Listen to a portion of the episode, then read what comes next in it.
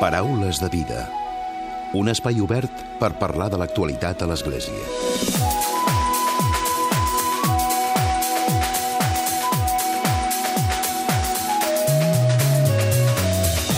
Què tal? Salutacions i molt bon dia, molt bon diumenge. Darrere de cada X hi ha una història. La teva X obre la porta a moltes històries. Aquest és el lema amb què l'Església anima els ciutadans a marcar la casella de l'Església per la declaració de la renda d'aquest 2016, que durant aquests mesos s'ha de fer. Un fet que no és incompatible amb que es marqui també la casella destinada a les finalitats socials. Sigui com sigui, des de l'Església es fa una intensa campanya informativa i es ret comptes també davant dels ciutadans explicant a què es destinen els diners que rep dels contribuents. Són múltiples les tasques que es fan gràcies al suport i la col·laboració ciutadana, la tasca evangelitzadora, per exemple, la pastoral, l'educativa o la caritativa, entre d'altres. A la campanya publicitària hi ha diferents protagonistes que serveixen per il·lustrar les finalitats últimes d'aquestes contribucions. Avui en parlem, ho farem de seguida amb mossèn Ramon Batlle, que és el rector de la parròquia de Sant Ramon de Penyafort i també membre de la Delegació Diocesana d'Economia de l'Arcabisbat de Barcelona.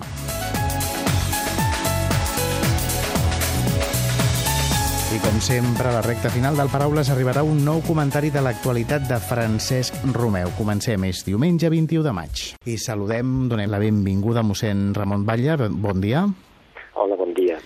Importància de marcar la casella, com dèiem, per la declaració de la renda, aquesta casella que va destinada a l'Església Catòlica, oi? El fet de que l'Estat deixi que nosaltres puguem elegir que una, una petita part dels nostres impostos es puguin destinar a una finalitat concreta, ens dona l'oportunitat que gràcies a aquesta acció eh, pràcticament una tercera part dels ingressos que rebem en la nostra diòcesi provinguin d'aquesta assignació tributària. Per això és tan important el compromís de les persones que, quan fan la seva declaració de la renda, facin aquesta assignació tributària que no suposa haver de pagar més de cap manera, però que sí que suposa que ells poden destinar lliurement una, una, finalitat a la qual es destina una petita part dels seus impostos. Mm. I com dèiem, és un fet, una acció que no és incompatible en aquest cas amb que es pugui també marcar l'altra casella, que és la destinada a les finalitats socials. No només no és incompatible, sinó que fins i tot és recomanable, perquè d'aquesta manera eh, es duplica l'aportació la, i d'aquesta manera encara s'ajuda molt més. Tenint en compte que ficant la segona X a finalitats socials també hi ha entitats d'església que reben eh, aquest ajut per aquesta via, per la qual cosa és recomanable que ens conscienciem tots que és molt important fer aquest petit gest de posar les dues creus. Uh -huh. Com dèiem, des que comença el període de, de la declaració de la renda fins que s'acaba a finals del, del mes de juny, ha aquesta campanya que és molt intensiva també als mitjans de comunicació a nivell publicitari per recordar la feina, la tasca que fa l'Església dia a dia, oi? Sí, certament. Eh, és bo que tothom sàpiga que l'Església, eh, evidentment, té una finalitat eh, pastoral, de fer arribar l'Evangeli, de predicació, de culte, però també una finalitat social molt important, de donar testimoni al costat dels més pobres i necessitats, de suplir moltes vegades allò que no fa l'administració pública, sobretot en sectors de persones marginades, i tot això es fa gràcies a la col·laboració altruista de molts benefactors, dels mateixos fidels, però també d'altres persones que veuen que l'acció de l'Església Catòlica és important. Ara ho dèiem nosaltres a la, a la portada, la diferent tasca que fa l'Església, per exemple, a nivell evangelitzador, a nivell educatiu, a nivell caritatiu, a nivell cultural, diguéssim que la vessant és molt àmplia, no? Sí, certament. Eh, arribem a molts eh, llocs on sobretot no arriba l'administració i suplim moltes mancances i d'aquesta manera contribuïm a que la societat doncs, eh, es pugui viure també amb més dignitat les persones amb pocs recursos. No és només càritas amb el sentit d'aprendre i ajudar persones necessitades, sinó fins i tot eh, formació de moltes persones, atenció religiosa, hospitals, a immigrants, centres penitenciaris, eh, formació, reforç escolar, eh, accions al tercer món, hi ha molta activitat de l'Església, petites i grans accions, que totes en conjunt fan que es vegi una tasca molt potent el que fa l'Església Catòlica aquí a Catalunya i bé, a tot l'Estat. Uh -huh. Parlem d'aquesta campanya publicitària per tants, por tantos en castellà, que es fa a diferents mitjans de comunicació, però suposo que també a través de les parròquies a nivell més directe, eh, amb els feligresos també es dona a conèixer, oi? Sí, a, a nivell de parròquies hi ha diversos, durant l'any hi ha unes quantes campanyes de sensibilització social. D'una banda, per contribuir al Fons Comú Diocesà, que també és per equilibrar i ajudar parròquies necessitades, també amb el programa de Germanó, eh, i també a vegades per campanyes concretes, que impliquen doncs, una aportació econòmica, una sensibilització. I aquesta, ara que fem ara la primavera, en el moment en què fem la declaració de la renta, volem obrir-nos a tota la societat, no només a les persones que participen habitualment de l'Eucaristia i que entren al temple, sinó aquells que veient l'acció de l'Església Catòlica veuen que fem una tasca molt bona al servei dels més necessitats. Per això es fa aquesta campanya amb molts mitjans informatius, televisió, ràdio i altres mitjans perquè arribi a conscienciar globalment la societat. Podríem dir que, per tant, la campanya, com dèiem, no és a nivell ciutadà, a nivell general, per totes aquelles persones que potser valoren la tasca de l'Església però que no, no estan implicades directament, no? O que potser... No, no, exactament. La, campanya va, diguéssim, eh, cara endins, els mateixos eh, feligresos que participen habitualment de l'Eucaristia, van, van en freqüència a l'Església, però també per aquells que són més allunyats o fins i tot aquells que no són cristians, però s'adonen que gràcies a l'aportació de l'Església Catòlica doncs podem construir una societat una mica més justa i més humana per a tothom. I d'aquesta manera, amb el seu petit gest, doncs ajuden a contribuir-hi. Uh -huh. Parlem precisament també de la delegació, en aquest cas d'Economia de l'Arcabisbat de Barcelona, la delegació diocesana d'Economia. De, Aquests dies també a nivell de bisbats de, de tot l'Estat, de Catalunya també, a Red Comptes es fa com una mena de balanç per tal de que la gent pugui veure què es destinen els diners. De fet, és un exercici que fan en aquest cas de transparència, no?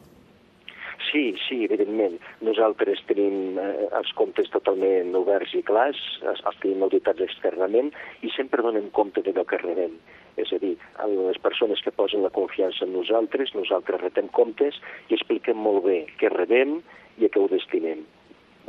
Com és el, el dia a dia, en aquest cas, a la Delegació Diocesana d'Economia de l'Arcabisbat de Barcelona, mossèn Batlle? A, a veure, eh, diguéssim que l'Església, d'una banda, eh, hi ha la diòcesi, evidentment, eh, però també les parròquies, que és les 208 parròquies a la diòcesi de Barcelona, que s'autogestionen elles mateixes, també hi ha instituts religiosos, és a dir, és, és un mosaic de diverses entitats. Eh, jo parlaré en tot cas del, del que fa referència només a la diòcesi com a estructura, que ens encarreguem doncs de vetllar i col·laborar i ajudar les 208 parròquies que mantenen tota l'estructura diocesana i aleshores és amb nosaltres en qui amb, gràcies a l'acció de la Creu ens arriben aquests ingressos. Els ingressos que ens arriben gràcies a posar la creueta en la declaració de la renda són pràcticament una tercera part d'aquells ingressos que nosaltres rebem i dues terceres parts venen per altres mitjans, també per aportació dels fidels, però per aportació directa per altres mitjans i per la col·laboració de les parròquies. Clar, si hagués aquesta sensibilitat de destinar una part dels nostres impostos per aquesta via, evidentment se'n ressentiria bastant la, la nostra acció social. De fet, gràcies a Déu, tenim uns comptes equilibrats i mirem també de fer una aportació important a activitat social perquè és, que és el que toca en aquest moment. De fet, molts diners es destinen, en aquest cas, a l'acció caritativa, no? I, de fet, malauradament, en els últims anys destinen més diners, més quantitats a, a l'acció de Càritas. Sí, bé, dir-vos que Càritas, evidentment, siguent eh, la mateixa Església Catòlica, eh, funciona amb una autonomia i per tant jo no parlaré de Càritas perquè si ara parléssim de Càritas que som la mateixa església, evidentment eh, sí que parlaríem de moltíssima, moltíssima activitat social. Però, a més a més de Càritas, la mateixa diòcesi, a més doncs, de tenir cura dels mossens, eh, que, que no es falti res, de tenir cura que les parròquies funcionin i no tinguin problemes quan han d'afrontar una obra seriosa, eh, que les delegacions funcionin, ajudem amb una part important d'allò que ingressem perquè precisament les parròquies puguin fer activitat social, a més a més de tota l'acció social que fa Càritas. Uh -huh. Per tant, important aquesta tasca, no?, que es fa directament a nivell social a través de les parròquies. Sí, sí, certament, certament, perquè penseu que com a església tenim moltíssims locals, moltíssims equipaments als quals donem un ús social, equipaments parroquials, els quals han de funcionar, els quals han d'estar al dia, eh, s'han de mantenir, ja no és només el dia a dia de pagar eh, el que són les despeses de, de llum, d'aigua, sinó reparacions a vegades estructurals, i això comporta un esforç molt gran de solidaritat. A nivell diocesà, funcionem en un fons comú, en el qual tots aportem segons allò que podem i rebem segons allò que necessitem. Per tant, nosaltres, el nostre funcionament és d'intentar ajudar també les comunitats parroquials més necessitades, que no poden ajudar gaire a portar el fons comú, però sí que necessiten rebre més. Uh -huh. I d'aquesta manera, amb aquesta dinàmica, també arribem a un equilibri entre totes les parròquies diocesanes. Uh -huh. Abans parlava, deia mossèn Ramon Batlle, que moltes vegades és també l'acció que fa l'Església on no arriba, on no arriba l'administració. La, per tant, és important, no?, en aquests moments, quan fem la declaració de la renda, marcar la X per tal de destinar part dels impostos a l'acció que, que fa l'Església i que l'administració no hi arriba. No, no, certament. Gràcies, ja dic, a l'aportació no només dels cristians i dels catòlics més compromesos en el dia a dia, gràcies a l'acció de moltíssima gent, podem arribar amb aquest gest tan fàcil de fer, doncs, a moltes persones que tenen, passen per situacions amb risc d'exclusió social o passen un mal moment a la vida, gràcies a tota la xarxa de solidaritat de l'Església Catòlica, que és potentíssima, podem arribar a moltíssimes persones. Uh -huh. Per això és important aquest gest. Evidentment, amb aquest gest també ajuden a contribuir a que es mantingui el culte en les esglésies, en què els sacerdots puguin estar dignament retribuïts, però, eh, sobretot, eh, és és molt important tenir present que la nostra acció avui pràcticament se centra moltíssim en el tema social i és aquí on estem abocats en aquest moment. Uh -huh. Per tant, i per acabar aquest seria el missatge també pels oients del Paraules de Vida de Catalunya Ràdio, el fet de, doncs, això, de posar de relleu la tasca social que, que fa l'Església per tal de que acabin contribuint a la campanya per tants Seria sí, aquest? Uh -huh. Sí, sí, certament. És a dir, amb la X és un gest de solidaritat i de compromís i d'amor amb els altres eh, ciutadans, particularment amb els més pobres. Contribuïm en l'Església, contribueixen al bé comú, contribueixen a dignificar una mica més la nostra societat. Uh -huh. Doncs avui hem parlat al Paraules de Vida de la tradicional campanya de la declaració de la renda per tal que els ciutadans, els feligresos i en general la ciutadania marqui la casella de corresponent a l'Església amb el lema darrere de cada X hi ha una història, la teva X obre la porta amb moltes històries que desenvolupa, que fa, que porta a terme l'Església. Ho hem fet en conversa amb mossèn Ramon Batlle, que és el rector de la parròquia de Sant Ramon de Penyafort i també membre de la delegació diocesana d'Economia de l'Arcabisbat de Barcelona. Mossèn Ramon, gràcies avui per haver-nos acompanyat. Vinga, gràcies a vosaltres. Paraules de vida. Un espai obert per parlar de l'actualitat a l'Església.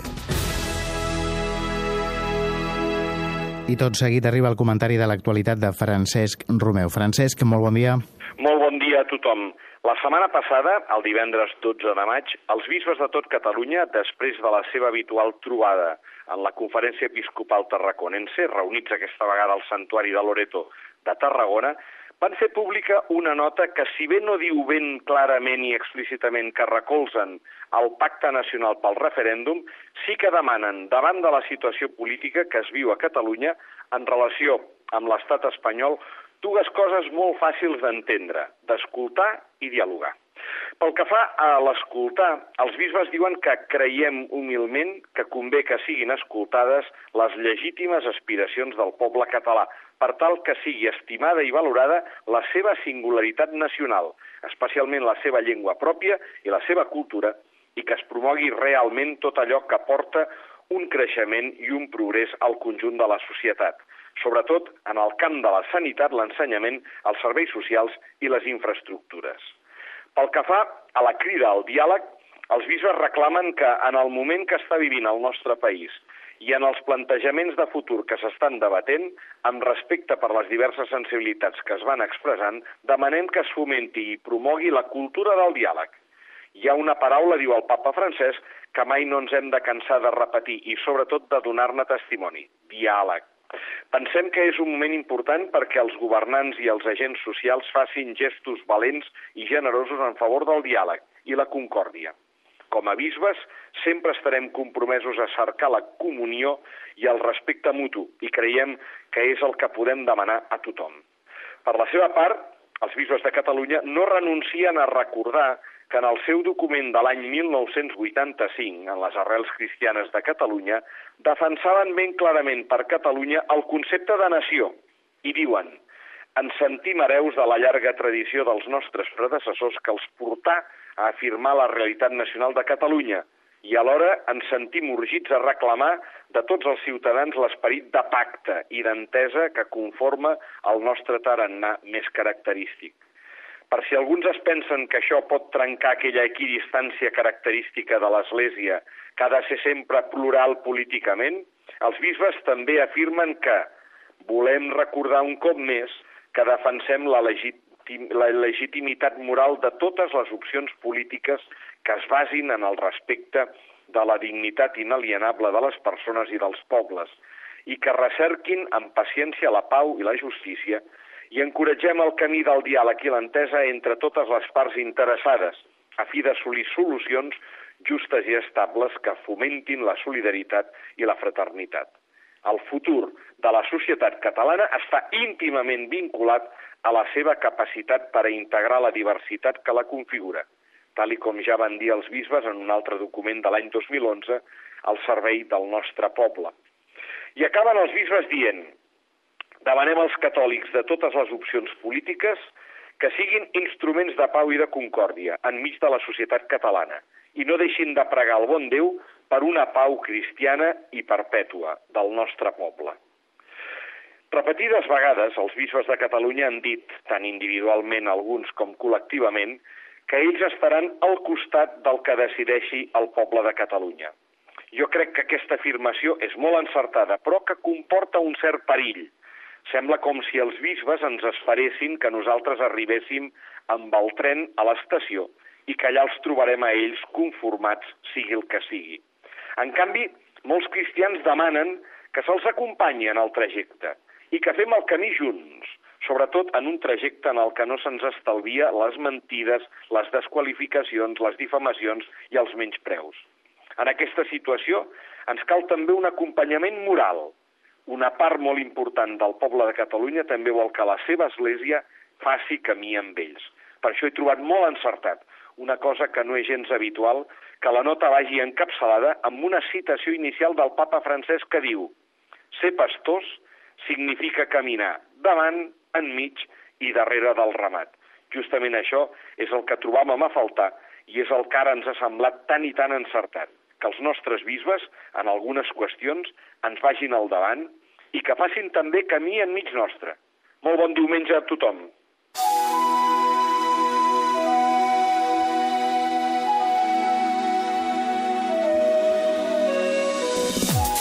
Fins aquí el Paraules de Vida d'aquest diumenge, d'aquesta setmana. En Diego Monroy ha estat el control tècnic i qui us ha parlat, l'Emili Pacheco. Que passeu bon diumenge i una molt bona setmana.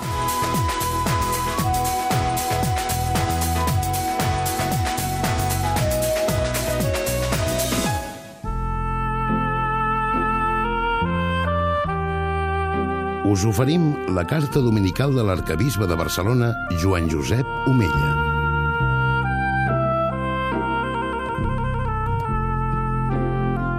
Déu us guard. Era un professor compromès i estricte, conegut també pels seus alumnes com un home just i comprensiu. En acabar la classe d'aquell dia d'estiu, mentre el professor ordenava uns documents de la seva taula, se li va apropar un dels seus alumnes i de manera desafiant li va dir «Professor, el que m'alegra d'haver acabat la classe és que no hauré de sentir més les seves ximpleries i podré deixar de veure aquesta cara seva tan avorrida. L'alumne estava dret i amb expressió arrogant, tot esperant que el professor reaccionés o fes i descontrolat. El professor va mirar l'alumne un instant i amb molta tranquil·litat li va preguntar. Quan algú t'ofereix alguna cosa que no vols, la reps. No, per descomptat, va contestar el noi, de nou amb to despectiu, però alhora desconcertat per la calidesa amb què el professor li havia fet la pregunta. D'acord, va prosseguir el professor. Quan algú intenta ofendre'm o em diu alguna cosa desagradable, m'està oferint alguna cosa, en aquest cas, una emoció de ràbia i rancúnia que puc decidir no acceptar. No entenc a què es refereix, va dir l'alumne confós. És molt senzill, va replicar el professor. Tu m'estàs oferint ràbia i preu. I si jo em sento ofès i em poso furiós, estaré acceptant el teu regal. I jo, amic meu, en veritat prefereixo regalar-me la meva pròpia serenitat. Noi, va acabar el professor amb un to amable, la teva ràbia passarà, però no intentis deixar-la amb mi, perquè no m'interessa. Jo no puc controlar el que tu portes al cor, però depèn de mi el que jo carregui el meu. Quants cops perdem la pau pel que ens diuen o ens fan? Sí, perdem la pau i de vegades ens embranquem en una discussió de raons que ens porta fins i tot a enemistar-nos. Que sàvies són les paraules del professor de la història narrada anteriorment. Prefereixo regalar-me la meva serenitat. La teva ràbia passarà, però no intentis deixar-la amb mi, perquè no m'interessa. Jo no puc controlar el que portes al cor, però depèn de mi el que carregui el meu. Benvolguts germans, mirem de protegir el nostre cor per no deixar-nos portar per l'amargor o el desig de revenja davant de qui els tracta malament. Seguim el bon consell de Crist. Estimeu els vostres enemics, feu bé al qui us odien. Si el Senyor ens demana viure així, senyal, doncs, que si li demanem ens concedirà aquest do. Aquest és el camí segur per viure amb pau i amb alegria. Aquesta pau i alegria que el món no coneix i que brolla de la font que és Déu nostre Senyor. Benvolguts germans, que Déu us beneixi a tots. Us hem ofert la carta dominical de l'arcabisbe de Barcelona, Joan Josep Omella.